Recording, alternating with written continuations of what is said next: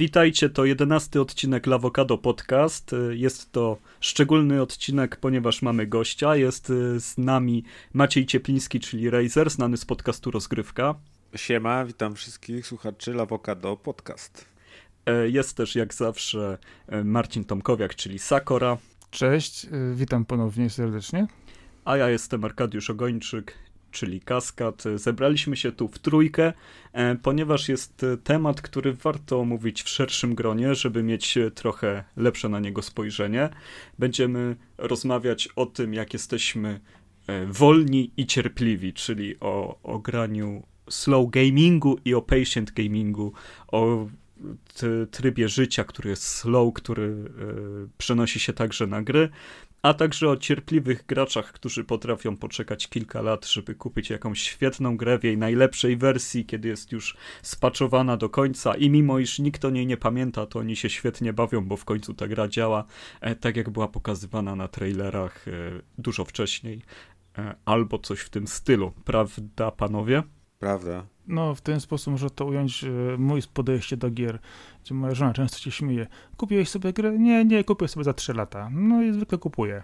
E, no dobra, ale zacznijmy od tego e, slow gamingu, bo, bo jest coś takiego, takie pojęcie się teraz ukuwa, ono nie ma jakiegoś tam e, super określonej jeszcze e, tego, co się w, niej za, w nim zawiera, a co nie, ale chodzi głównie o to, że są gry, które, przy których trzeba się bardziej skupić. One powinny tobie jako graczowi więcej odpłacać tym skupieniem, tym, że są lepsze, a ty poświęcasz na nie więcej czasu. To jest taka zdrowa relacja między twórcą dzieła, odbiorcą dzieła, utrzymujesz studio, które robi y, długie gry, dobre, rozbudowane, a ty potem się nimi długo cieszysz. Są to gry, przy których można też odpocząć.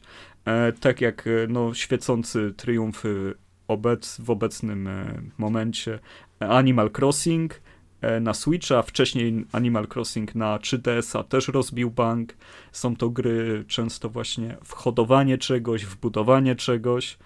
E, no, no i czy, czy takie podejście cały czas ma sens, kiedy tak naprawdę mamy coraz mniej czasu, a gry tego typu są z założenia bardzo długie i wyciągają z nas każdą wolną minutę jak wy podchodzicie do takich molochów, ale też molochów, które nie stawiają koniecznie na akcję, e, fabułę, w której się ciągle zabija i, i trzeba kogoś uratować na końcu. Będę mieć do tego pewne uwagi, jeżeli chodzi o samo podejście do gry, gdyż slow gaming niekoniecznie jest tylko graniem w gry, które pozwalają ci spokojnie sobie poklikać, tak masz przygodówkę, czy masz strategię turową, ale myślę, że jest to też bardzo często podejście gracza do sposobu grania, hmm. gdzie on po prostu nie naciska na tą grę, przechodzi ją sobie w swoim tempie, powoli, w, na swoich zasadach i myślę, że tutaj akurat trzeba by też się tym skupić, gdyż często pojawia się to te, te, taki dziwny e, dysonans w tej kwestii, bo mamy gry rzeczywiście ogromnie rozbudowane, bardzo długie, z ogromnym często lore, bardzo obudowane przez wydawców i, i twórców. I te pozwalają cieszyć się tym graniem przez długi, długi czas, spokojnie sobie klikając na przykład w zwierzątka, kolorki, monetki wybuchające co po chwili w różnych miejscach jednocześnie mówimy o tym, że gra jest takim typowym no, relaksatorem. Daje nam na na luzie podejść do tego samego grania, ale z drugiej strony ja u siebie obserwuję to, że mamy gry, które absolutnie, niekoniecznie nie mieszczą się w tym e, pojęciu słodkiej, przyjemnej gry, bądź też na przykład e, typowo turowej, która może być też czasami trochę cięższym, cięższą gatunkowo, ale grom, która cały czas jest obliczona na to, aby przechodzić ją sobie po kawałku, powoli, na spokojnie. I na przykład ja u siebie często widuję, że nawet y, zahaczam czasami o gry kompletnie inne gatunkowo, które po prostu sobie przechodzę jedną misję czy dwie misje na spokojnie. Jest to też moje absolutnie podejście do slow gamingu, że nie mam tego parcia na przejście tej gry. Kompletnie. Po prostu gram sobie ją dla przyjemności, tylko i wyłącznie. Mm, mi się wydaje, że rzeczywiście też jakoś z y, samym pojęciem slow gamingu się często nie spotykałem, ale teraz jak się nad tym zastanawiałem, to wydaje mi się, że to jest y, też opisuje część y, jakby sposobu, jak podchodzę do gier teraz, po latach powiedzmy, jak już jestem trochę starszy, gdzie mm, zauważam, że często można się cieszyć jakby z samej podróży, a nie z osiągnięcia celu.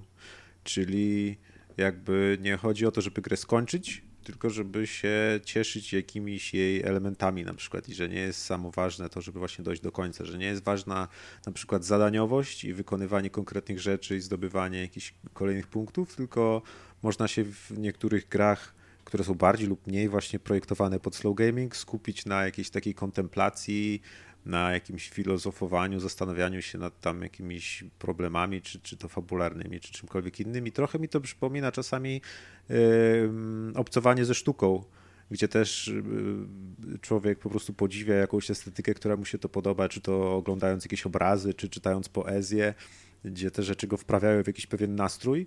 I tak samo można być z grami, co jest. Yy, tak jakby to postawić na jakiejś skali, to wydaje mi się, że to jest przeciwieństwo rozgrywki typu arcade, gdzie w arcade jest właśnie postawiona całe skupienie na to, żeby szybko w sposób zręcznościowy zdobywać jakieś punkty, gdzie masz określone wyraźne zasady, które musisz spełnić i kto zrobi to najszybciej, najzwinniej, najlepiej ten wygrywa, bo, bo, bo, widać ile ma tam punktów zdobył. Natomiast ten slow gaming jest czymś kompletnie innym, gdzie tak naprawdę nie musisz mieć w ogóle żadnych zadań i tylko obcujesz z czymś, co macie wprawić w jakiś nastrój na przykład. Czyli jest to coś, co niektórzy nawet mogą powiedzieć, że to nie są w ogóle gry wideo, no bo co to ma być za gra, gdzie nie da się wygrać na przykład i to jest gra o niczym, nie? Znaczy się, często tego typu gry kojarzy się z symulatorami farmy w stylu Harvest Moona, symulatorami, które no, kiedyś były na topie w postaci Farmvilla na Facebooku. E, kto pamięta początki Facebooka, ten wie, jak bardzo to, to przyciągało nie, zupełnych casuali do tego, że, żeby sobie tam poklikać. Ale no, no kwestia slow gamingu jest tak, taka, jak mówisz, no, no, żeby dokładnie cieszyć się grom w zupełnie swoim tempie całkowicie. I to wymaga zawsze podejścia od odbiorcy tego typu, bo e, każdą grę można i tak spróbować szybko przejść, bo, bo zawsze w grach jest coś w rodzaju celu, jeżeli nie sam cel. E, trochę to przypomina sytuację z, związaną z jedzeniem, no bo też ten e, termin nawiązuje do slow food, który powstał na kontrę do fast foodów, czyli do kiedy idziesz do restauracji, gdzie wiesz, że na danie musisz trochę dłużej poczekać, no bo ono jest przygotowywane od początku, że tak powiem, według sztuki, no i potem e, też je sobie jesz z przyjemnością, bo przyszedłeś tam bardziej dla smaku, niż żeby zapchać brzuch po prostu. Albo, albo kiedy sam robisz jedzenie, to zapraszasz znajomych i wszystko to robicie razem i spędzacie nad tym cały wieczór, a nie tylko, że robisz, podgrzewasz coś Jasne. w mikrofali, wszamiesz i koniec. Ale jeszcze właśnie mi ukradłeś puentę, bo, bo chodziło mi o to w tym, e, w tym moim e, wywodzie, że i tak nawet jak pójdziesz do takiej slow foodowej restauracji, usiądziesz, będziesz czekał na te, e, nie wiem, cokolwiek, co tam nie, nie zamówisz, to, to ciągle możesz to zjeść w dwie minuty, powiedzieć dobra, nara, bekniesz, wyjdziesz i, i tyle cię widzieli, że tutaj i tak podejście gracza, czy w tym przypadku jedzącego, zamawiającego klienta jest kluczowe, bo e, każdy taki zamysł, który jest e, romantyczny, ważny i ciekawy twórców, da się zepsuć. E, psucie gier jest e, moim wielkim hobby, zwykle gram w gry nie tak jak przewidzieli autorzy, więc doskonale o tym wiem. E, wykorzystuję tyle błędów, ile się da, robię straszne rzeczy w grach. Jeżeli chodzi o to, jak wyglądają moje rozgrywki, no to nie polecam nikomu na to patrzeć. E, ale będzie stream. Ale kwestia jest taka, że, że no tutaj śmierć autora no to jest termin, który jest cały czas ważny, bo w momencie, kiedy dzieło już wychodzi na świat, no to już od odbiorcy, zwłaszcza w grach, zależy, jakie przyjmą. E, na przykład bardzo lubię przyglądać się architekturze w grach. E, myślę, że Maciek też masz tak samo. Mhm. E, te twoje opowieści o The Division w niektórych kręgach są sławne, więc może trochę je przybliżysz także na Lawokado. Znaczy co, że teraz? No, że teraz, no, no, że podziwiasz ten Nowy Jork w śniegu, a ten Waszyngton a. z dwójki to jest jakieś pomylenie. No, znaczy rzeczywiście z racji zawodowego wykształcenia, bo jestem architektem, yy, chociaż nie, nie pracuję w tym zawodzie aktywnie, to właśnie zostało mi takie uwielbienie dla architektury i bardzo lubię czasem ją podziwiać i oglądać, zastanawiać się. I faktycznie odkąd w grach grafika yy, wyrosła po ponad coś więcej niż było w GTA 3 powiedzmy, to no to bardzo często mi się zdarza, że jakaś gra przyciąga mnie do siebie tylko tym y, światem, który jest tam stworzony. To jest najczęściej właśnie w sandboxach, które z kolei bardzo są takim gatunkiem wdzięcznym, jeśli chodzi o slow gaming, bo no jak nie podejdziesz gry... do kropki, to nie zaczniesz misji, to, to możesz Tak, sobie tak, ale też chodzi o tą taką wolność, gdzie w grach korytarzowych one są fajne, ale często pchają cię do przodu same z cutscenki, do kill roomu, do cutscenki, yy, nie masz tam żadnego momentu na, na oddech, na rozejrzenie się, tylko po prostu pędzisz razem z akcją, jakbyś oglądał film właśnie jakiś przygodowy. Natomiast w sandboxach jest, ten, jest, jest, tak, że jak chcesz, to możesz właśnie nie robić misji i przez cały tydzień grać i tylko sobie oglądać jakieś tam rzeczy i zwiedzać. Więc jest to gatunek bardzo wdzięczny i pamiętam, że y, właśnie kiedy wyszło GTA 3 w 2001 roku, to była taka pierwsza gra, gdzie naprawdę mogłem sobie pozwiedzać świat, bo wcześniej jeszcze pamiętam jak grałem w Drivera w 99 to też mi się podobało, że, że, że nie musiałem robić misji, tylko mogłem sobie tam jeździć to miasto robić. Tam sobie wtedy, pamiętam, udawałem, że jakieś tam są zadania i coś tam robię i po prostu jeździłem po tym mieście i dwa lata później wyszło GTA 3, które tak naprawdę pokazało, że można zrobić grę polegającą na tym, że sobie jeździsz po mieście i robisz jakieś zadania i, i trochę powiedzmy zwiedzasz, więc tutaj y, mnóstwo sandboxów tak naprawdę mnie wciąga, a zazwyczaj robi to właśnie tylko dlatego, żeby zaspokoić mój głód zwiedzania i poznawania nowych miejsc i tak dalej. Jest sporo gier, które gram, tak jak właśnie Division jest świetnym przykładem, gdzie gdyby to była gra chociażby jak y, Destiny, dziejąca się gdzieś w kosmosie, na jakichś planetach i z ufolutkami, to, to już w ogóle mnie nie wciąga. Jakby nie chodzi o tą mechanikę, o to, że to jest looter shooter. A co mi powiesz o Red Dead Redemption 2 pod tym względem? No to jest chyba w ogóle y, jakby powiedzieć... Bo to jest technologiczne cudo, jedno wielkie. No i, i, chyba taki największy nowy przedstawiciel slow gamingu albo pokazania, że nawet w AAA-ach i najdroższych produkcjach nie trzeba się e, spieszyć. Tak, nie trzeba się spieszyć, można zrobić taką grę bez y, powiedzmy wybuchów, pędzącej akcji i tak dalej, tylko postawić na to, że Y, jak chcesz się przespać i, i, zjeść i rozbić obóz, to musisz na to przeznaczyć 10 minut czasu rzeczywistego na przykład i y, spędzić czas nad ogniskiem mieszając kawę albo wyciągając mięso i 15 przyciskami je tam obracając, smażąc i tak dalej. I y, są osoby, które się obraziły na tego Red Deada przecież z tego powodu, że co to, co to ma być za symulator, a inni, tacy jak ja, właśnie im się to najbardziej w tej grze podoba, że można się zająć w końcu nie ratowaniem świata, tylko zwykłymi rzeczami, które są przedstawione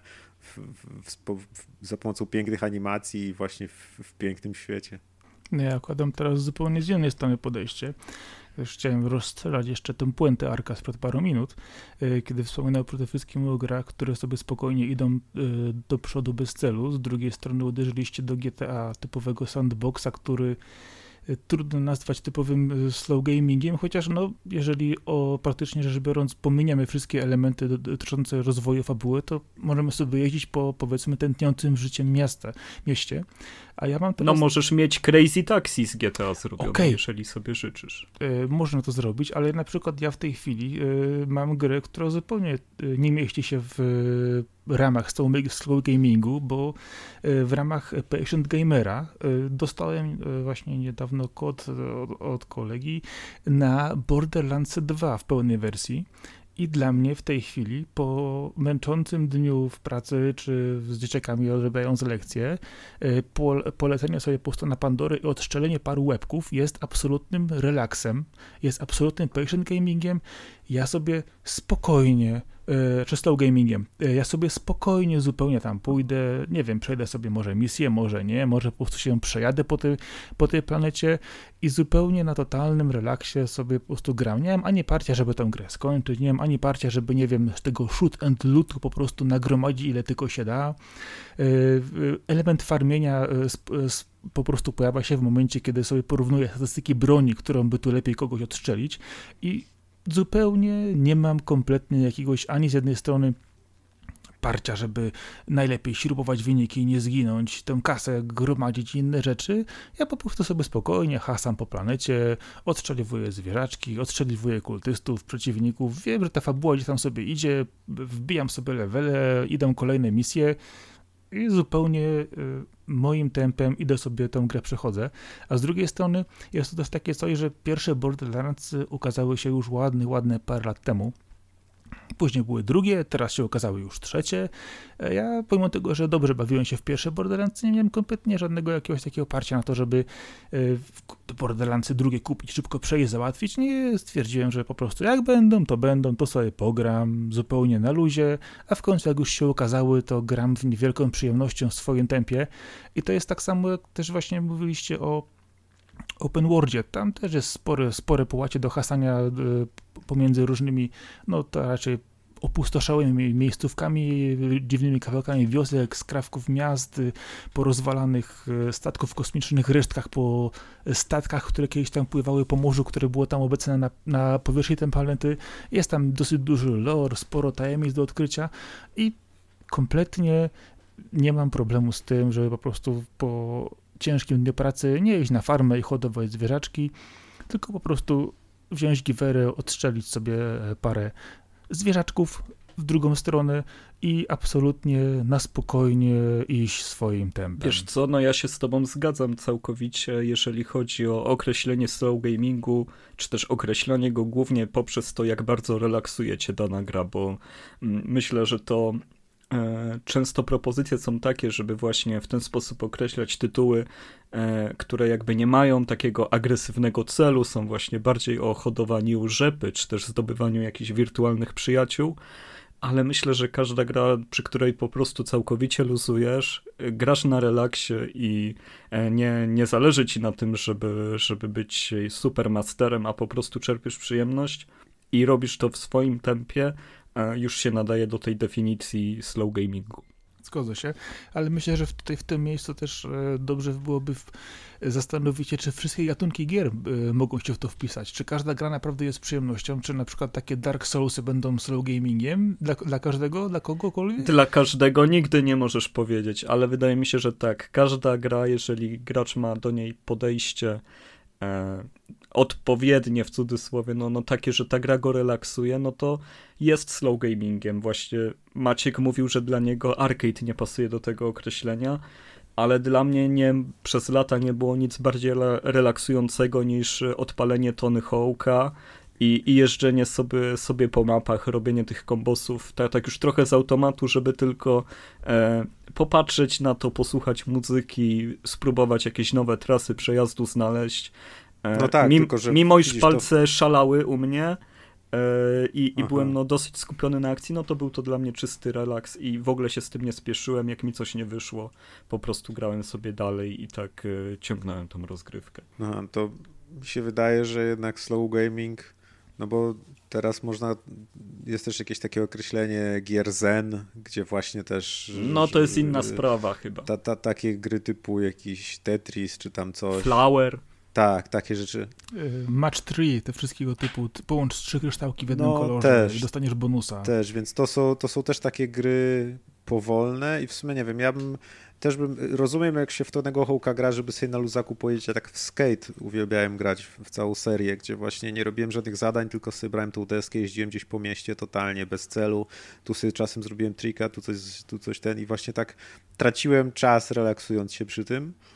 Y, więc wtedy owszem, ale na przykład nie wyobrażam sobie, że na przykład kogoś powiedzmy relaksuje mecz w CS-a i on się tak lubi relaksować po stresującym dniu i wtedy zaczyna kompetytywny mecz jakiś multiplayerowy, więc dla mnie to jednak nie podpada pod slow gaming.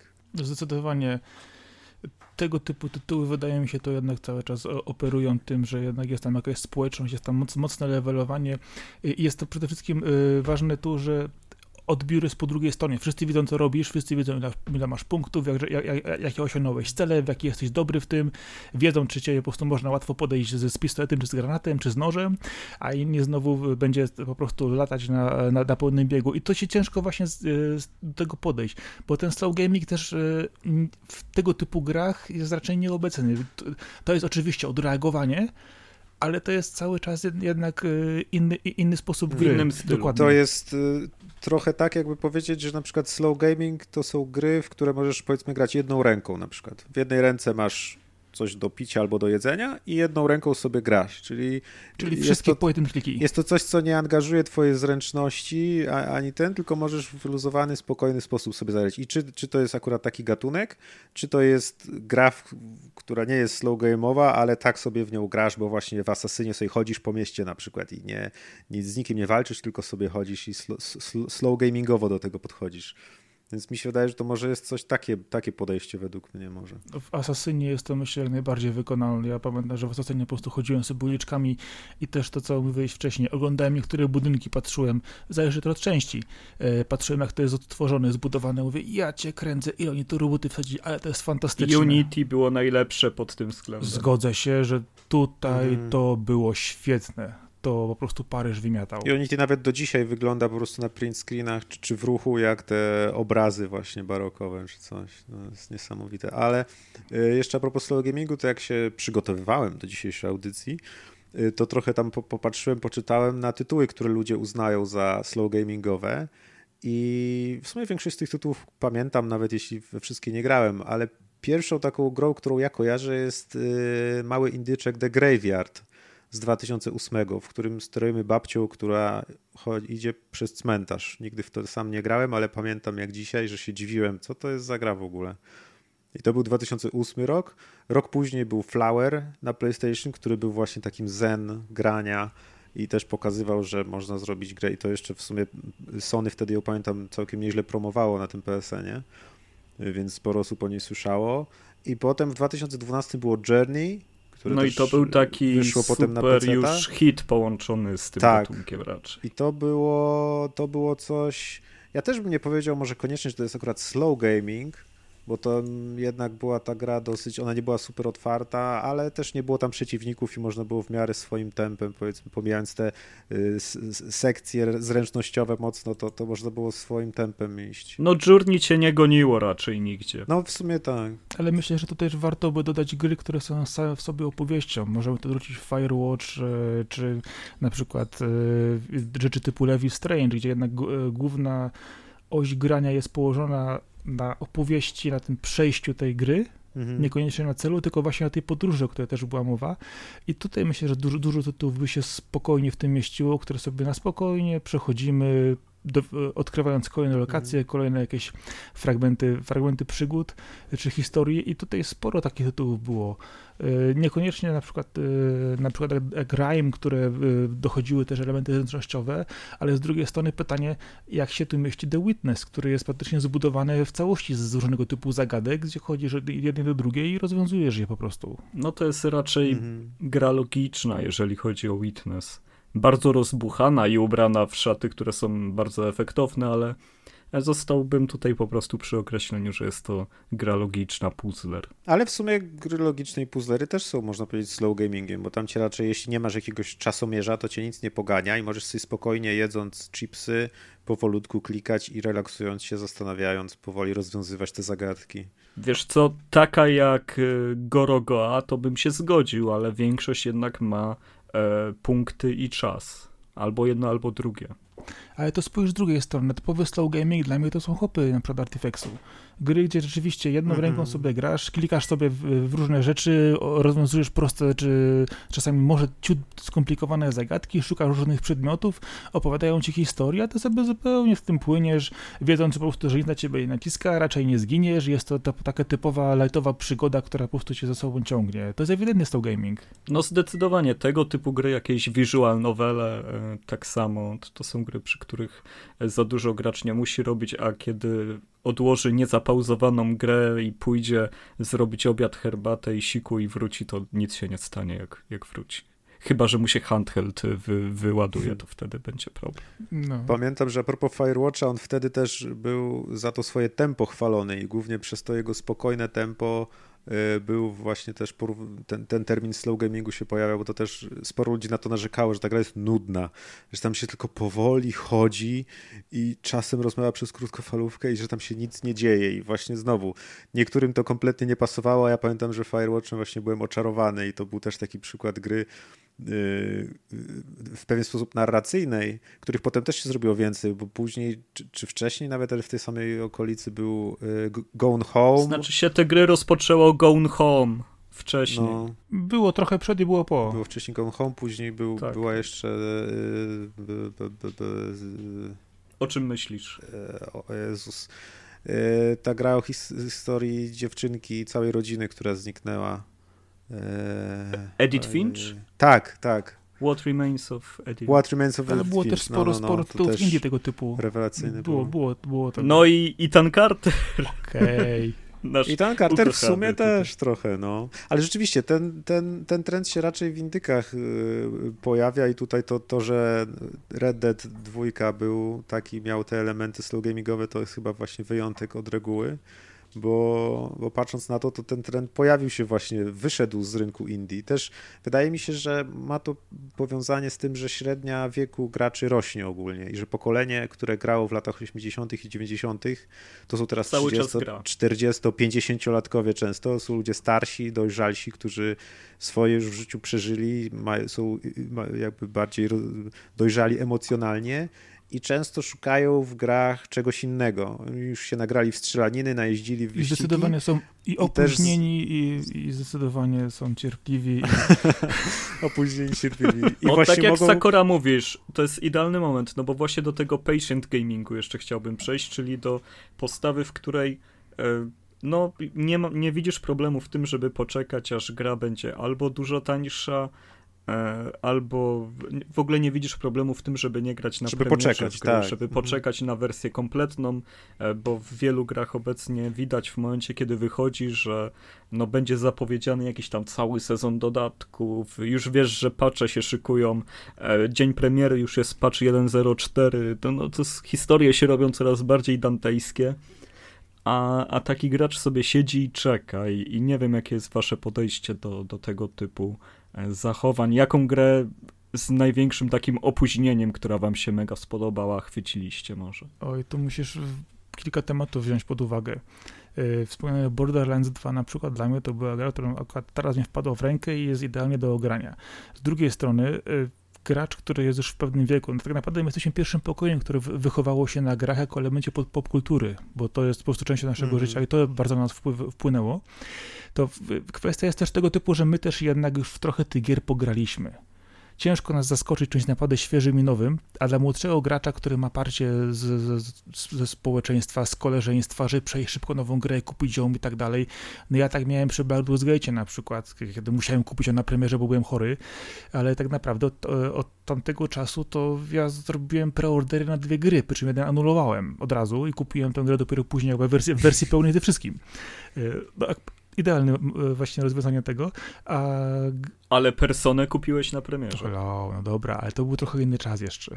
Patrzę, patrzę z perspektywy no. jednak, że e, współczesnego e, gracza, trochę osoby, która często już ma rodzinę, jakąś sytuację zawodową ma unormowaną i też czasami ciężko jest znaleźć tyle czasu na to granie tak naprawdę i czego innego szuka się jednak w odborze tej gry. To, jest, to, jest, to nie jest gra, którą się będziemy męczyć przez ileś wieczorów, ileś godzin, wrzucać padem, wkurzać się, że czegoś nie możemy przejść, tylko właśnie szukamy czegoś, co absolutnie nas zrelaksuje od razu, można powiedzieć. I tutaj na przykład dobrze wchodzą pojedynkliki, dobrze chodzą właśnie gry opowieści, ale patrząc z tej strony, to y, mamy też y, tytuły, które dla nas po latach są jakimiś takimi wyznacznikiem jakości czy wyznacznikiem klasy. I często właśnie powracamy też do, do tych e, starszych tytułów, ograwając je jeszcze raz. I pytanie, czy szukamy tego samego w nowych tytułach. I często nowe tytuły nie potrafią tego też dostarczyć. I potem też patrzymy, w co żeśmy nie zagrali kiedyś, a było do tego podobne, albo grę, którą chcieliśmy kupić, e, ale e, patrząc na to, że będzie 8 DLC, dwa sezony, pierwsze recenzje mówią, że jest fajnie, ale jest zepsute, no to Rzeczywiście, ja potrafię poczekać czasami na grę 2-3 lata i nie mam z tym absolutnie żadnego problemu.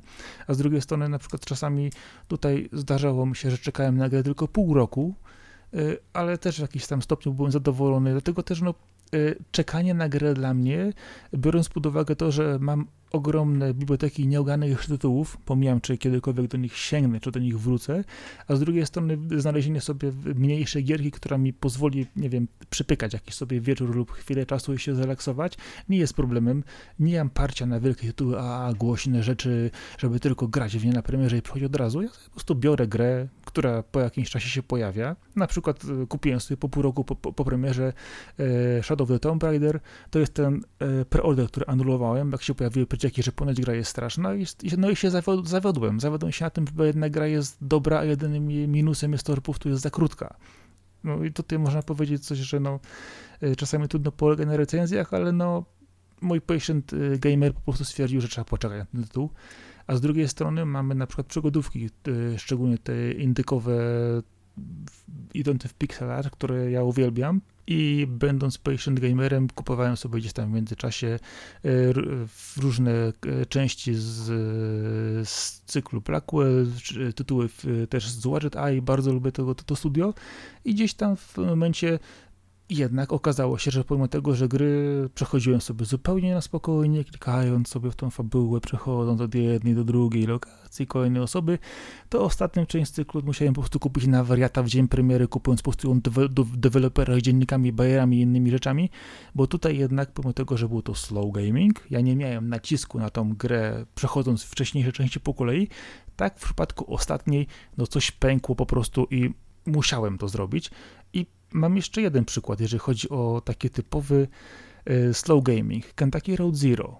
Tu się zastanawiam, e, kto jest e, bardziej wytrzymały. Ci, którzy jak ja przechodzili grę od epizodu do epizodu, czekając latami na kolejne części, czy ci, którzy ładnych parę lat temu powiedzieli, że oni poczekają na całą grę i przejdą ją w całości, jak już będzie cała. No i czekali dekadę. Myślałem, że powiesz, kto jest bardziej cierpliwy, gracze czy deweloperzy. to też, no.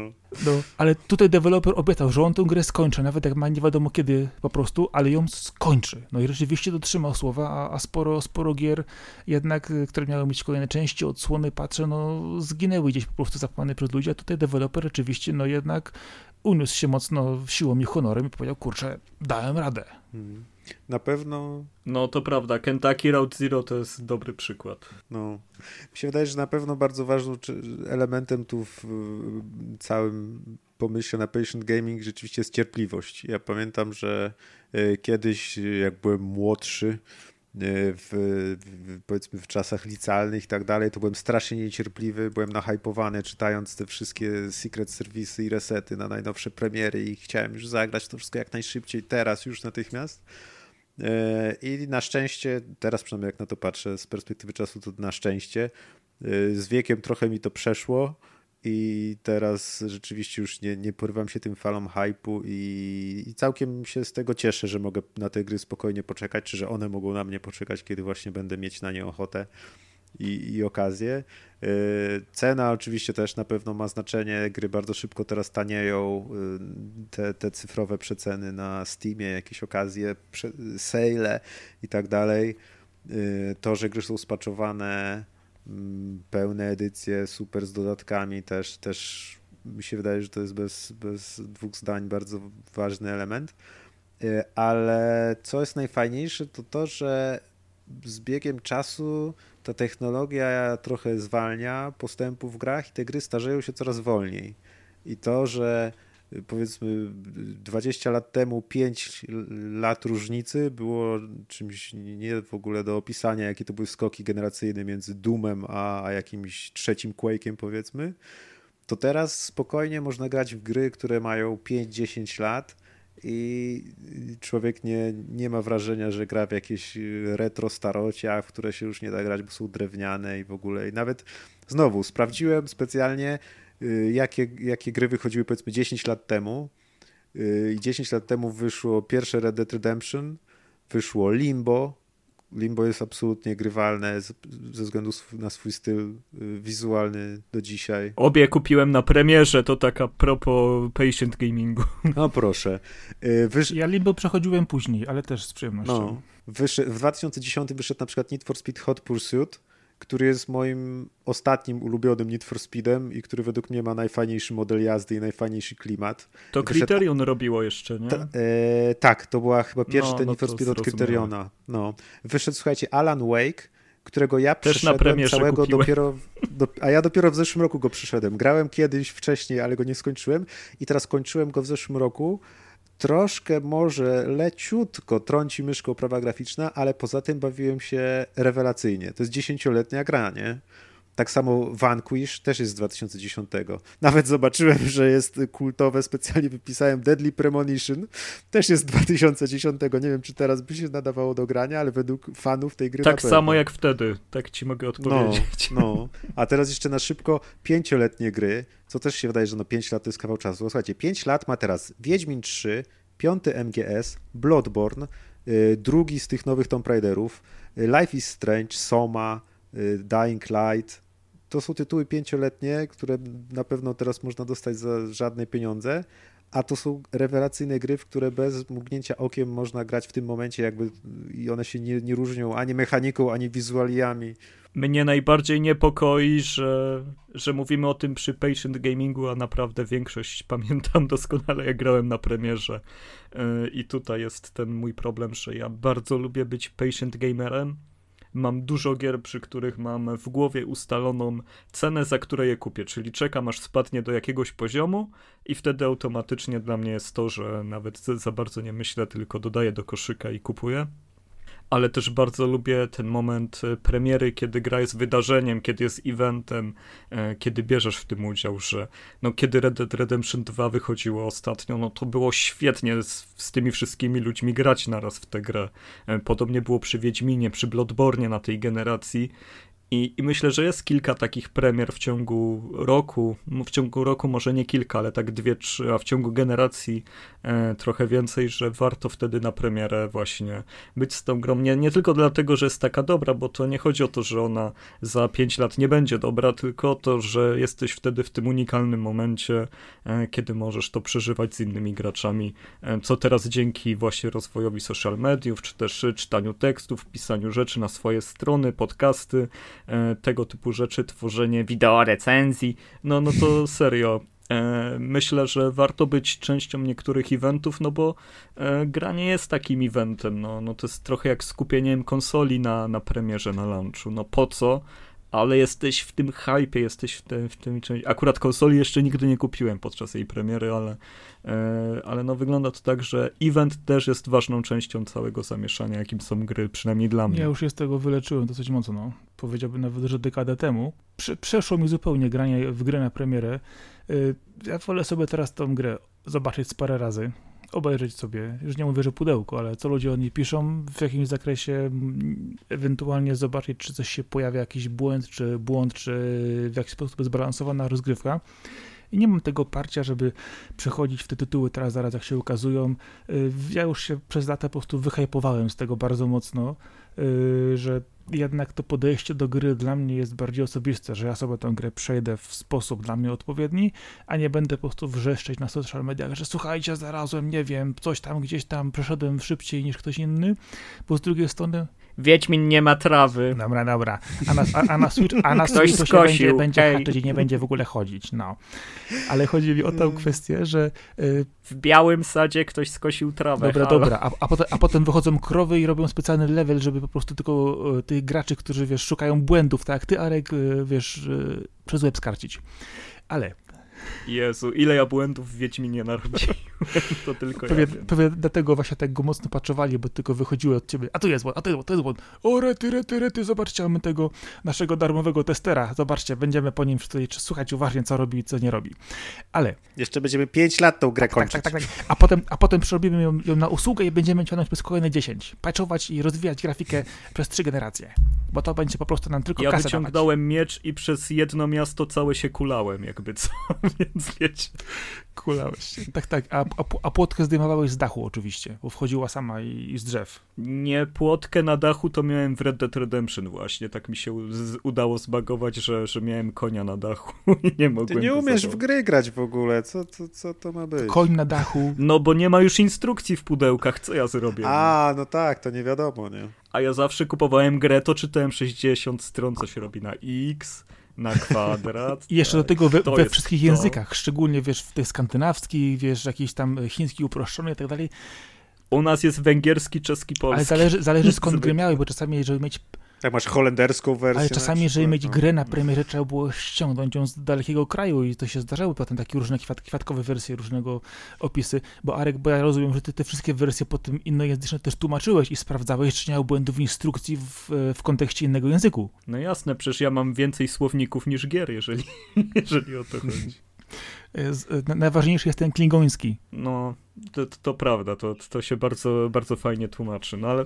Ale słuchajcie, co do hype'u jeszcze, to ja w sumie mam podobnie jak Sakora, że też yy, trochę zauważyłem z biegiem czasu, że wcale mi się to nie podoba uczestnictwo w takim wielkim yy, wydarzeniu razem z innymi ludźmi, bo się okazuje, że będąc w, w tym wielkim gronie jest tam taki natłok informacji, który mnie akurat przytłaczał i też uznawałem to często za jakieś męczące. I też wolę sobie przeżywać samemu żeby to było tylko moje przeżycie, niż y, na przykład mimowolnie uczestniczyć czy przeglądać jakieś dyskusje, gdzie na przykład ludzie się kłócą strasznie, bo tak się bardzo często dzieje, czy, czy przy jakichś tytułach ekskluzywnych, czy nawet przy ogólnych tytułach zawsze pośród ludzi, którzy są zachwyceni i razem z nami się cieszą grą, pojawią się tacy, którzy zaczną wytykać jej błędy i trollować i tak dalej, więc y, u mnie akurat przy Patient Gamingu ten brak hypu to jest też coś pozytywnego. Ja sobie też poczekam, ta gra wybuchnie, ludzie będą o niej dyskutować, ja sobie to wtedy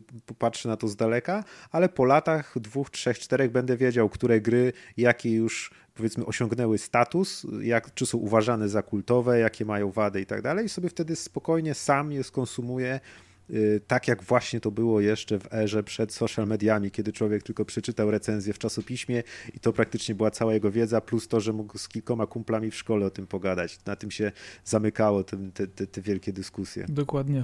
Więc akurat tutaj brak hypu i odsunięcie się od tego hypu, gdzie wszyscy nagle na premierze krzyczą i każdy ma własną opinię, każdy ma zdanie i są, wszędzie się pojawiają artykuły, pięć najważniejszych rzeczy, które musisz zrobić zaczynając grać w to, albo dziesięć super tajnych miejsc, które musisz odwiedzić. Nie, to ja nie, nie, nie, nie, nie. Ja się, ja się zajmę wtedy czymś innym, a potem sobie sam wrócę i jak będę czegoś potrzebować, to sobie wtedy to na spokojnie już wyszukam w spokojnym internecie, który się zajmuje aktualnie inną, najnowszą premierą, która się zaraz ma wydarzyć. Ale warto też dodać jedną kwestię tutaj. Często gry w tej chwili są strasznie przehajpowane. Mm. Podbite są wszystkie oczekiwania, zapowiedzi, będą niesamowite rzeczy, hiperrealistyczna grafika, ogromne lokacje, odrzut broni, y, niesamowite zagadki i dostajesz potem taką grę na premierze, która cię autentycznie rozczaruje rozczarowuje. I tutaj pytanie jest z drugiej strony, czy warto w tym momencie grać w taką grę, czy nie lepiej sobie poczekać, aż e, powiedzmy unormują się opinie o niej z jednej strony, a z drugiej strony nie zostanie ona poprawiona przez twórców, tak aby być lepszą doznaniem, lepiej grywalna, bo tego typu czasami wydają mi się e, rzeczy, gdzie właśnie wchodzą te trolle albo malkontenci, albo osoby po prostu, którym nie pasuje gra obiektywnie, albo e, w różny sposób są subiektywnie. subiektywnie. Już nie chciałem tego mówić, chciałem powiedzieć, że po prostu gra im nie, nie, nie podeszła, nie podchodzi, e, ale potem pytanie jest takie, bo jeżeli z jednej strony mamy grę, która jest bardzo mocno lansowana przez twórców, przez wydawcę, a gdzieś pojawiają się w międzyczasie informacje, że oczywiście będzie już wydana, ale na premierę macie patch 30 giga, bo inaczej to nie będzie będzie działać. My skończyliśmy tę grę, dostaniecie teraz to, grajcie sobie w te pierwsze, e, pierwsze levele, ale zanim nie przejdziecie, to my za trzy dni zdążymy ją spaczować znowu, żebyście mogli grać następny. No mnie to po prostu męczy. No ale to musisz potrafić sobie dobrać grę, którą się hypujesz, bo trzeba jakby Właśnie. umieć to odciąć. Ja nie wiem, czemu miało być problemem czekanie na nową grę From Software, e, czekanie na nową grę Rockstara na przykład, czy Platinum Games, no, no tutaj już e, są studia, czy też serie, które zbudowały sobie taką markę, że, że nie trzeba być jakoś mega wątpliwym, nie, nie ciągną się za nimi jakieś krzywe akcje, nie, nie zawiedli graczy, e, za, zawsze się odznaczają e, najwyższą jakością, czy też jakością, która tobie konkretnie odpowiada. E, więc, e, więc no tutaj to, to nie jest tak, że trzeba wyłączyć hype i czekać na, na recenzję, bo jeżeli twoi ulubieni twórcy tworzą kolejną część twojej ulubionej gry, no to jaraj się, kupią na, na premierę, daj im znać, że chcesz tego więcej, że ci się podoba. E, my myślę, że to jest spoko, no gorzej jeżeli dajemy się nabrać i kupujemy, nie wiem, Anthem. No właśnie. No, no tutaj są problemy. Albo spójrz z drugiej strony, spójrz na Mass Effecta też strasznie hypowany, wiele ludzi było strasznie zakręconych tą grą, no i co dostałeś na końcu? Kalkę z, kalkę, kalkę z kalki, która roz, rozwalała całą imersję. Ale mówisz o Andromedzie, czy o którym momencie Mass Effectu? No, mówię o zakończeniu trylogii. E, no tutaj no hype był mo mocno przesadzony, to jest mało powiedziane. No nie wiem, no zdania są podzielone, ponieważ wiele osób bezkrytycznie przyjęło ten tytuł i miało wielki hype i myślę, że zdecydowana większość osób była zadowolona po skończeniu trójki, którzy byli tak nahypowani. E, ja byłem e, na tyle zawiedziony drugą częścią, że już po trójkę na premierze nie sięgnąłem, tylko trochę później sobie ją e, jakąś używaną kupiłem, czy, czy tam cokolwiek, żeby dokończyć, bo sama idea przenoszenia jednej postaci na kolejne savey to była bardzo fajna tam. No ale no, no kwestia jest taka, że można, można się zawieść na pewnych twórcach. Wtedy przy kolejnej grze faktycznie dajemy im żółtą czy czerwoną kartkę, ale jeżeli mają jakąś dobrą pasę i wiesz, że, te gry są dobre, to myślę, że warto je kupić wcześniej niż później, bo inaczej w ogóle przestaną wychodzić. Ale też przykładem dobrym oprócz Antema jest No Man's Sky, który po pierwsze jest świetnym przykładem niespełnionych obietnic i ogromnych y, oczekiwań, hypu, y, a po drugie jest przykładem gry, która po trzech latach od premiery zmieniła się w sposób bardzo, bardzo znaczący. Właśnie to ciekawe, że twórcy indie potrafili naprawić swoją grę, a wielkie BioWare AAA nie potrafi tego zrobić. No, jeżeli chodzi tutaj o porównanie, no bo jest jak najbardziej dobre, chociaż no zupełnie inne tło jest, bo właśnie po mhm. Anthem się spodziewaliśmy AAA, który będzie no niesamowity i będzie jakby jeszcze lepszym tym Mass Effectem, którego ludzie pokochali, a... Też jest od znanego studia, nie? A No Man's Sky akurat był od nowego studia. A No Man's Sky to jest pierwsza, no nie pierwsza gra tego studia, tylko studio od Joe Danger, tak? Oni robili.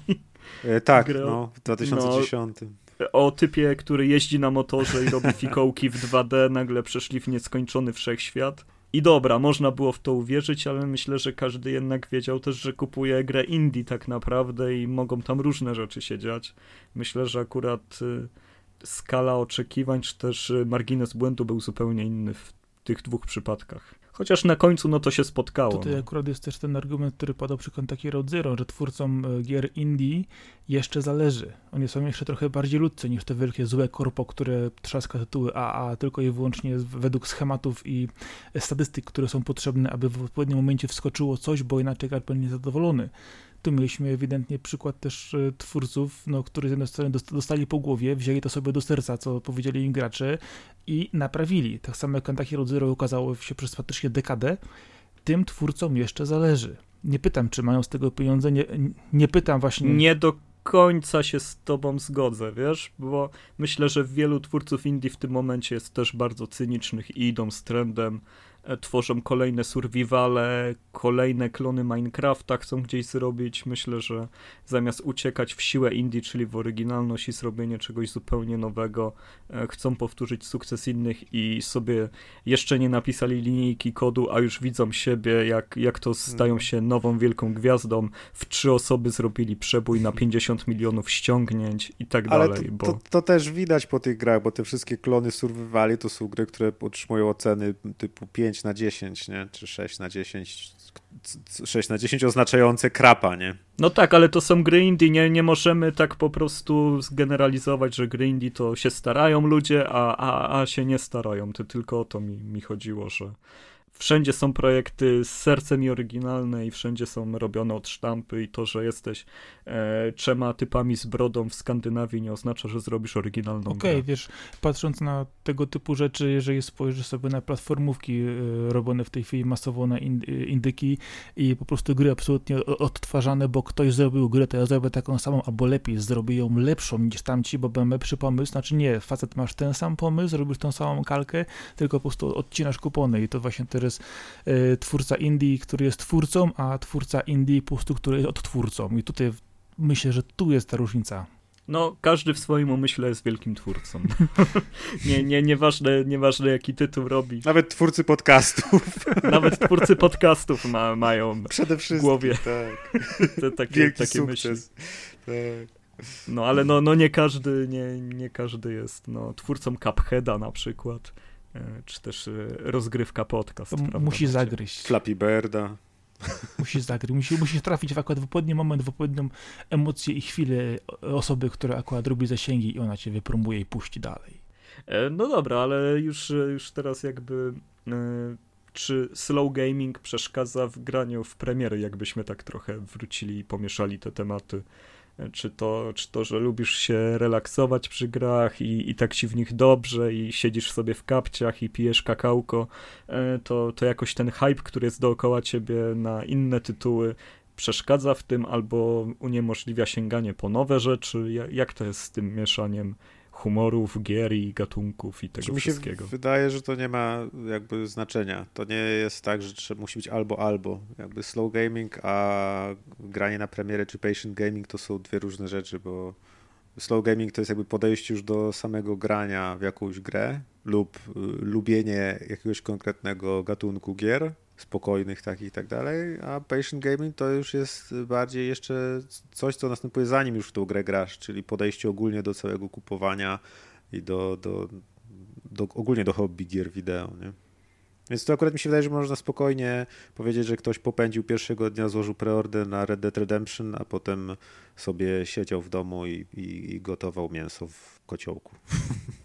Bo tego oczekiwał na przykład. No. no. Ale tak samo możesz pójść po prostu kupić szybko sobie nowe, nowe, nowego kolorowego Switcha z Animal Crossing na premierze szybko, szybko, szybko, bo musisz kupić tę grę, bo inaczej oszalejesz, a potem sobie pojedziesz do domku, odpalasz sobie te zwierzaczki i zupełnie na relaksie grasz przez długie, długie miesiące. Albo zbierać ziarenka w Breath of the Wild przez 150 godzin. E, czuć się też jak pan świata. No, no tak, no tak to wygląda, że zawsze przy odpaleniu jakiejś gry, no to przy w jakim humorze jesteśmy też się odbija na tym, e, jak w nią gramy, mi się wydaje. Ale w takim przypadku e, zawsze jest pytanie, co dla ciebie jest ważniejsze? To jak tą grę przechodzisz po kolei zbierając te ziarenka, bo te gry też się kiedyś kończą. I co wtedy? Co się kończy? Gry się nigdy nie kończą. Sakora, co ty gadasz? Ale kończy się dany tytuł dana gra, który osiągnąłeś jakiś no cel. tak, ale masz wtedy taką kubkę wstydu, że nie masz końca gier. Nie wiadomo ile gier wyszło w tym roku, nawet ani w zeszłym. Nikt nie jest w stanie policzyć. Dobra, ale okazuje się, że na tej kubce wstydu nie masz kolejnej gry takiej samej, podobnej i nie jesteś w stanie po prostu tak kończysz czytać książkę i jesteś rozdarty, jaką teraz jeszcze następną, bo nie wiesz, do którą sięgnąć. I kończysz grę i pytanie właśnie, chciałbyś znowu mieć te same emocje i nie możesz ich znaleźć. Ale to widzisz, mówiliśmy o tym, że slow gaming nie polega na tym, żeby grę skończyć, tylko żeby się cieszyć graniem, więc możesz sobie odpalić Red Deada i tak jak ja zrobić, że teraz gram drugi raz fabułę i nie będę już jej przechodzić do końca, tylko w pewnym momencie sobie przerwę i będę się zajmować tylko jakimś polowaniem, lo, lo, polowaniem tak, dokładnie, losowymi zdarzeniami i tak ale dalej. Ale grasz drugi raz. I gra nie musi się w ogóle kończyć. Ale grasz no drugi raz, tak. dokładnie, ale ja mówię właśnie o tym, co jeżeli chciałbyś jednak dostać e, nowe, nowe doznania no, now, nową grę tego typu, który ci bardzo przypasował, bo a, no to, no to, no to możesz tylko czekać. No właśnie. I, I wtedy co, grać sobie w to, co jest. Ale czy, kupi, ale czy kolejną część kupisz na premierę? Patrzysz w przeszłość, czy jest coś czy, be, czy, be, czy będziesz czekał? No to zależy. czy będziesz cierpliwie? Jeżeli o mnie chodzi, to raczej tak. Kolejnego Red Deada pewnie byłbym w stanie kupić na premierę, bo tak jak tu Kaskad mówił, no jest zaufanie studia, są gry, które wcześniej były sukcesem, które mi podpasowały, więc jest ogromna szansa, że kolejna gra również będzie świetna, nie? I to jest ten problem właśnie.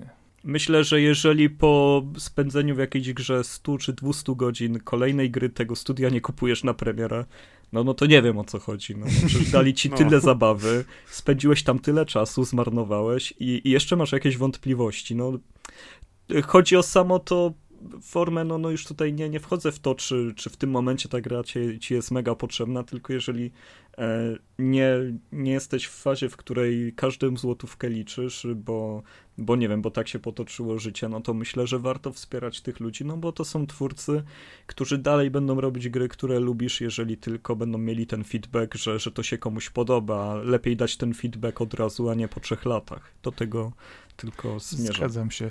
Ale też warto spojrzeć na to w ten sposób, że mam gry, które mam totalnie rozgrzebane, gram w nie od długich, długich lat. Y, wiem, że ukazała się już kolejna część tej gry, y, ale jeszcze jej nie, nie ograłem, bo tak naprawdę nie rozkopałem, nie przeszedłem jeszcze poprzedniej. I tu jest też pytanie, jak, jak, jak długo można grać w grę yy, i czy warto wtedy, prze, nie wiem, skończyć ją później na szybko, czy odrzucić w kąt i przejść do kolejnej części, czy pytanie jest takie, czy w tym momencie jesteśmy bardziej slow, czy bardziej patient? Musisz no słuchać serca. No właśnie. To, to serduszko ci najlepiej podpowie. Pika, pika. Ja, ja zwykle od, w pewnym momencie, jak już się rozbisurbanie w grze i tak dalej, no to najczęściej już lecę potem e, jak najkrótszą drogą do końca. Jak już czuję, że, że już mam dosyć tej gry pomału, czy też wiem, że nie zanosi się na szybkie jej skończenie w moim tempie, to lubię mimo wszystko to uczucie, kiedy wyskakują te ekrany końcowe. Gratuluję ci, byłeś świetny, świetnie to wszystko zrobiłeś. To jest koniec i, i wszystko fajnie. No, bardzo to lubię. A, no to ja y, akurat y, nigdy nie miałem problemu z niekończeniem gier i to też wydaje mi się, że jest właśnie dobre, że w pewnym momencie mogę bez problemu stwierdzić, że dobra, ja już się nagrałem, nie mam ochoty już na więcej, nie muszę poznawać końca historii, to czego po tej grze oczekiwałem dostałem, ona mnie już nasyciła i wystarczy, ją mogę odłożyć i zająć się czymś innym. Chociażby nawet kolejną jakąś inną częścią. Ja tam, y, jak były Assassin's Creed, to y, którejś tam części nie skończyłem i bez problemu mogłem grać w jakąś kolejną, więc tu akurat w moim przypadku. No ale to jest Assassin's Creed jest też specyficznym przypadkiem, gdzie nie ma ciągłości fabuły, więc jest to no łatwe. tak, w grach z ciągłością jest trochę trudniej. No. Wtedy, zawsze wtedy można, nie wiem, zobaczyć skrót fabularny na YouTubie i możesz mieć w pół godziny mieć z głowy problem, nie? o ile jesteś w stanie odłożyć granie. A to równie dobrze można w gry nie grać i też na YouTube ją obejrzeć dla relaksu, patrząc jak ktoś inny gra, chociaż ja tego osobiście kompletnie nie rozumiem. No, no tak, dlatego mówię, że... Można jeszcze krócej zrobić, słuchać podcastów o grach. Ty, no w ogóle można nie grać. Można Albo, się no. zająć czymś. no. Jezu. I po problemie w ogóle. po problemie, żadnego hypu, premier, patchy, zero. Wyprowadzasz się na wieś A ile pieniędzy kozy. jest? O Boże. O! Czyli co? Półki puste w domu, porządek. Kurz nie ma się na czym zbierać. No, żona, żona nie ma żadnych problemów, że tam czas marnujesz albo pieniądze, tak. Super. Wakacje dwa razy w roku nagle, wow. restauracje lepsze, dietka wow. wjechała, rodzinę ten masz, trzeba powinien, to przemyśleć. Ten odcinek powinien się nazywać jak porzucić problem gier wideo i zacząć szczęśliwe życie. Czyli po prostu grać tak długo, Trochę aż się tak. nasycisz tą grą. No, ja, ja właśnie tak gram. I, I, czasami jest tak, że mnie gra tak wciągnie, że gram przez tydzień non-stop, a potem nagle mi odchodzi ochota i pff, wyrzucam bez sentymentu. Nie masz jakichś czasami... No ja porzucam gry, które mi się nie spodobają, no jeżeli ich nie przerwę w przeciągu dwóch, trzech, czterech godzin, no to jak już jestem daleko zaawansowanie, no to jeżeli chodzi o gry, to często kończę książki, seriale, filmy, nie mam problemu porzucić, ale e, gry są, no, nie wiem, co, coś mnie ciągnie do, do tego momentu e, walki z tym ostatnim bossem, czy też roz, rozpoznania tego, co jest na końcu, że żeby zobaczyć ten koniec, jest to zwykle no, najciekawsze właśnie w Myślę, grach. że to też masz ten Takie moment, kiedy odczucie. patrzysz na wyciąg z konta i myślisz, kurczę, ile ta gra kosztowała, ja jej nie skończyłem, nie mogę jej tak zostawić, za dużo to mnie to kosztuje. Oj, gdybym na to patrzył. To... I tu to... właśnie jest dobry patient gaming, bo ta gra kosztowała cię tylko 30 zł na mm. przykład i luzik. No ja jeżeli chodzi o mój hit patient gamerowy, no to wyczekałem Mass Effect Andromeda za 19 zł kupiłem w końcu. No. Uznałem, że to jest odpowiednia cena za ten tytuł. E, jeszcze jest e, w folii, ale no może, może niebawem spróbuję się z tym tylko. Mam nadzieję, że jak odłączę PlayStation 4 od internetu, to ta gra będzie działać, bo ja chcę w nią grać w wersji bez patchy e, w tej oryginalnej wizji twórców, a nie, a nie już Żebyś naprawia... więcej mógł gliczować, tak? Okay. Dokładnie tak, tak. tak te konie, konie jeżdżące do góry nogami. Bardzo, bardzo nie lubię aktualizacji do gier. Bardzo często mam konsolę odłączoną od internetu bo większość gier rusza bez, bez tego podłączenia, kiedy je kupujesz, odpalasz z płyty i, i wtedy widzę dokładnie w jakim stanie to zostało wypuszczone, lepiej o, mogę ocenić, wiem Ale czasem się nie da grać w takie gry, nie? Albo masz jakieś... No, te, no to niestety, nie moja wina. Okej, okay, jesteś bezlitosnym o, konsumentem po prostu. Ściągnij patrz, on wszystko jestem naprawi. Twardy, nie. twardy jestem. No. no nie, to jest oryginalna wizja twórców. Ja nie chcę no tak, czy to jest wizja Rozumiem, to jest stara szkoła Blade. Runner. Pytanie, czy to jest wizja twórców, czy to jest wizja wydawcy, który cisną, cisną na termin. Wypuśćcie, wypuśćcie to, ale to nie działa, ale wypuśćcie. No przecież wydawca jest integralną częścią branży. O, to jest najważniejsza gałąź, która to wszystko finansuje i sprawia, że świat się kręci. No tak, tak, a potem wychodzą takie krzaczki, które, które nie działają. Dział marketingu i wydawcy to jest najważniejsze w grach. Tak, tak, tab tabelki, tabelki. Ale to ja ci powiem, że ja, ja cię przebiłem, jeśli chodzi o Patient Gamera, bo aktualnie zagrywam się w Kingdom Come Deliverance, które y, zakupiłem za 0 zł w sklepie Epika. No, to jest I, niezłe. I ten tytuł idealnie też pasuje do slow gamingu, ponieważ jest, też mogę powiedzieć, praktycznie nawet chyba bardziej niż Red Dead Redemption jest slow gamingowy, bo spodziewając się gry o, czy symulatora rycerza, gdzie będę chodzić i brać udział w bitwach, to przez pierwsze kilkanaście godzin ja miałem trzy pojedynki, które trwały może 30 sekund, a tak poza tym to zajmuję się sprawami bardziej przygodowymi i po prostu chodzę ludzikiem, pytam, gadam z ludźmi i są właśnie takie wspaniałe elementy slow gamingowe, jak to, że czasem na przykład spędzam cały dzień y, growy na tym, że wstaję rano, muszę iść się umyć, potem muszę sobie pójść do y, sklepu kupić chleb, muszę się najeść, potem mam książkę do przeczytania, więc tracę jeszcze 6 godzin na czytaniu książki, zdobywam jakąś tam umiejętność. Na koniec wieczorem zdążę tylko pójść jakiegoś questa rozpocząć, ale już muszę wracać do karczmy, żeby się przespać i zregenerować siły, więc kwintesencja slow gamingu Brzmi wolniej się zabawa. chyba nie da. Brzmi jak zabawa, dokładnie jestem mega wciągnięty i bardzo mi się podoba. Ostatnio grałem do 5 rano, słuchajcie, więc grubo. No a sam Patient Gaming, no to też strasznie dobrze wspiera go, wspierają go abonamenty PlayStation Plus, Game Pass, Xbox Live, Hmm. e, też te wszystkie Humble, które mają też swoje abonamenty. No tak. E, Myślę, że no tam wychodzą gry, które no każdy, kto w miarę na, na bieżąco ogarnia i to kupuje nawet na, na przecenach, już ma dawno ograne. No przecież e, jak dostajesz w plusie, nie wiem, Uncharted, no, no to raczej każdy fan PlayStation już je sobie ograł, no ale fajnie, że jest i tak dalej. No. To są starsze, ale bardzo dobre gry często. Nie zawsze, ale często. Stara gra nie znaczy, że to jest zła gra. A jeżeli pytamy się o, o kto kogo przebił, to ja ostatnio dostałem omyłkowo w zamówieniu Yakuza 6. Yy, Powiedzieli, że sobie po prostu mam zostawić, więc zostawiłem. Jak Yakuza 6 dostałeś? Do czego? Dostałem, no, yy, zamówiłem parę rzeczy ostatnio i przysłali mi omyłkowo. Jeszcze Yakuza 6 była wpakowana.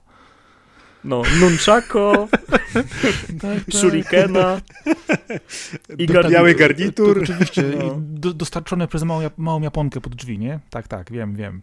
No, razem z kotkiem, Neko, Neko, Neko. neko. I, oczywi- i, i, a co ważne, jeszcze do tego miała pudełko z Z Gundamem. ośmiornicą. Yes! No, więc, No tak. ale no, jeżeli Yakuza 6 ci wpadła sama w ręce, no to nie ma lepszego znaku od e, Boga Wszechmogącego. Poczeka na tak swoje, folii jeszcze nie zdjąłem. Jesteś pobłogosławiony. O nie, To jest ta, a to jest ta wersja z tym albumem jeszcze, ta, ta rozszerzona.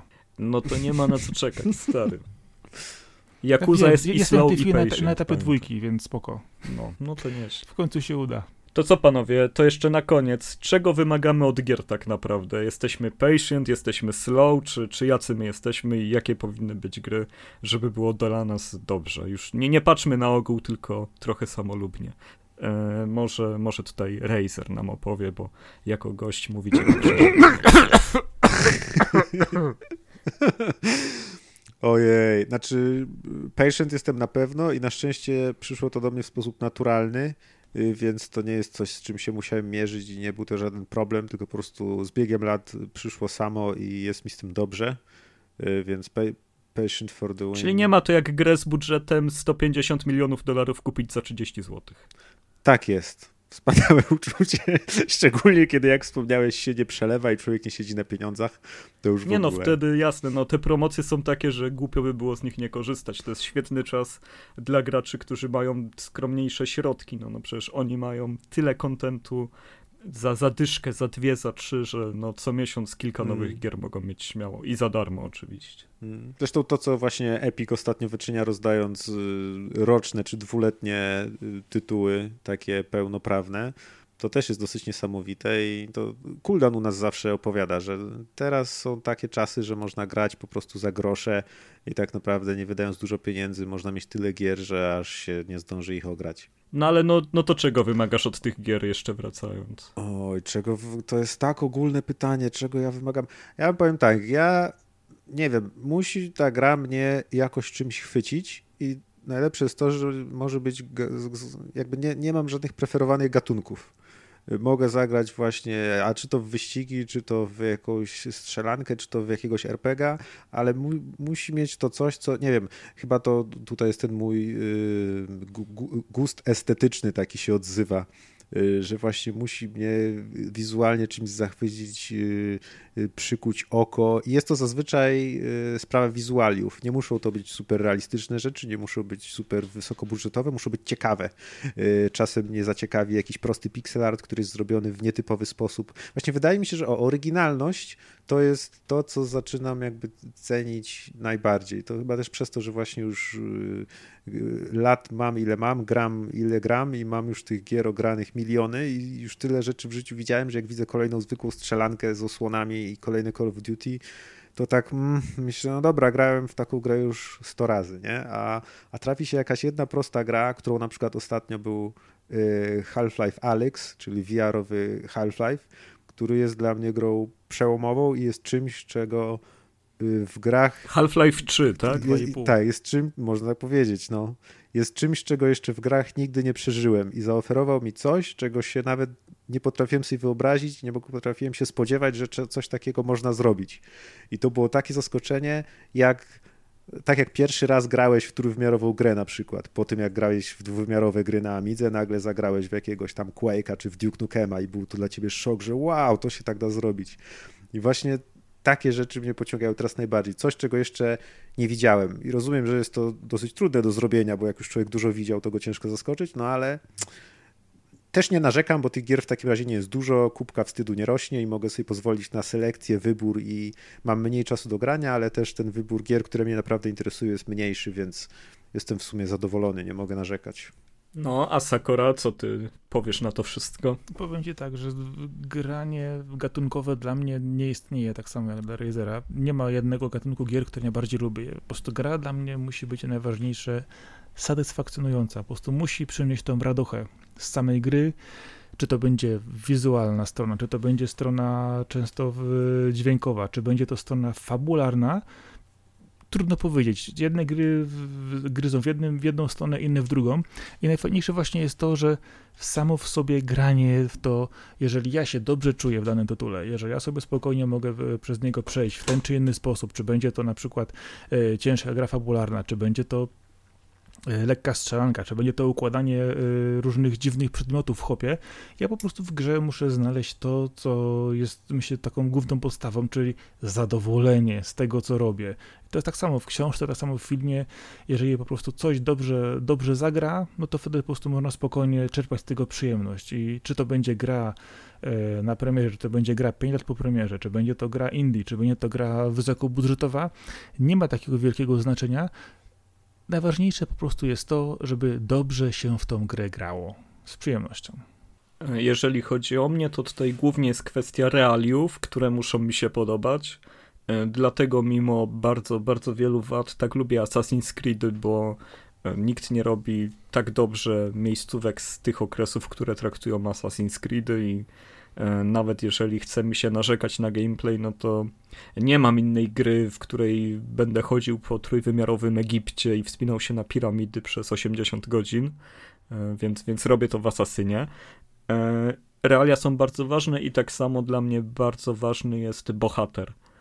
Jeżeli od samego początku, od jakiejś zapowiedzi stwierdzam, że bohater jest jakimś ziemniakiem albo, albo kompletnie mi nie pasuje. Bananem, jest... z pistoletami w sombrero. E, no, no jest stworzony od, od linijki, wygląda jak aktor hollywoodzki albo co gorsza aktor z klanu, no to, no to dziękuję.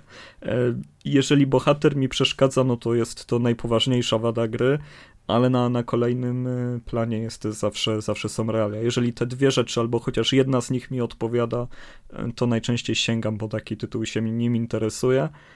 E, no, no i chciałbym, żeby jak najwięcej było tych, e, tych różnych tytułów, żeby było więcej gier, nie wiem, no, o średniowieczu, tak, takich też bardziej rozrywkowych, niż jak grasz w średniowiecze, to masz od razu mega strategię albo system walki, w którym musisz trzymać miecz trochę bardziej niżej w lewo, w prawo. Nie wiem, czy to ma symulować trzymanie miecza, czy, czy sikania do, do celu. No, no, są ciężkie sprawy, jeżeli chodzi o omówienie tego. No, gier w kosmosie w teorii jest masa, ale czy one się od siebie różnią?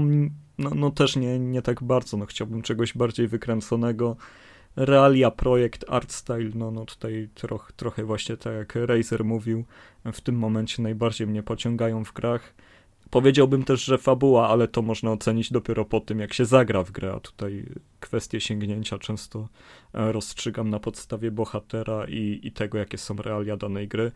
I wtedy często na nią nie czekam, a jeżeli chodzi o bycie patient gamerem, no to tak jak mówiłem, mam osobną listę, w której są tytuły, którym jestem zainteresowany, ale na przykład na tyle, że dopiero jak będą kosztowały, nie wiem, 50 zł, 70, 80, czy, czy też nawet mniej i, i wtedy, kiedy się pojawiają na promocji, to mi się zapala lampka. Okej, okay. no myślę, że to gdzieś tam spotykamy się razem na, na, w jednym punkcie na zrozumieniu tego tematu, ale pytanie też takie, czy jak kupujesz grę później, jest ona bardziej wartościowa, pełnowartościowa od tej niż na premierze i czy to doznanie jest takie samo?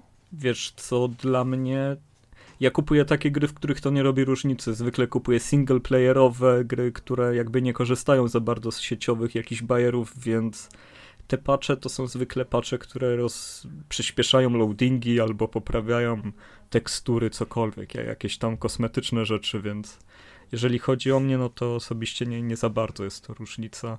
A jeżeli gra jest dobra, to się obroni po prostu. Dokładnie.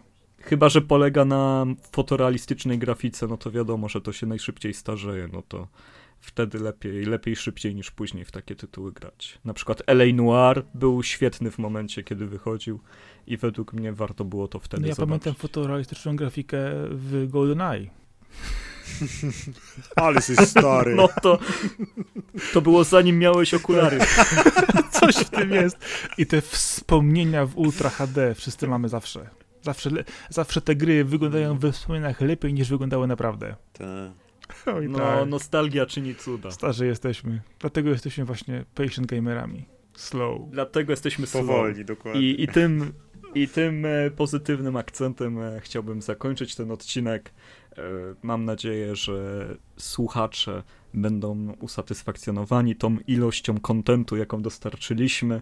I dotarli do tego momentu. Spotkacie nas na lawokado.pl, jest też tutaj zakładka podcasty, ale strona żyje również tekstami. Mamy grupę Lawokado Friends na, na Facebooku. Jest to jedna z niewielu grup, gdzie możecie spotkać Macieja Cieplińskiego, czyli Razera, któremu teraz dziękuję.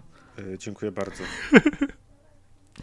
dziękuję też dziękuję też tobie, Sakora, za nagranie. Dzięki bardzo, Arku. W tym momencie podałem też so, sam sobie rękę. Wiem, że tego tak, nie widać. Tak, to był Arkadiusz Żegończyk, czyli kaskad. E, dzięki wszystkim. Dzięki, cześć, na razie. Do następnego. Hej.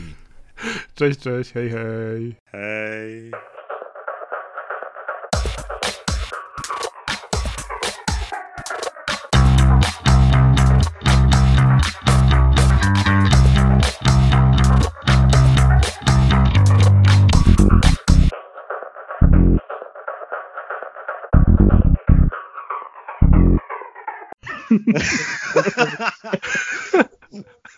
O. Zaskoczyłeś mnie tym Facebookiem, bo mnie już nie ma na Facebooku od trzech miesięcy w ogóle. Nigdzie.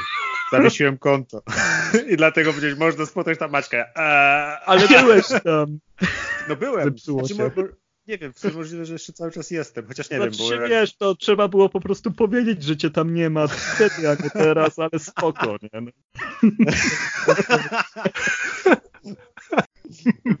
Wejdź tylko jeden raz, żeby zalajkować, jak wrzucimy ten podcast, nic więcej.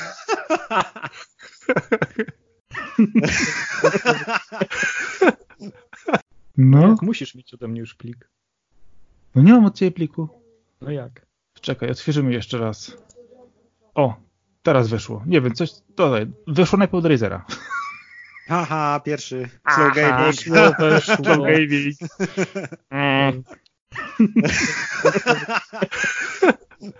Parę razy się chciałem wtrącić, ale właśnie się ugryzłem w język. Myślę, to jest lawokado. Macieku, uspokój się. Daj mu skończyć.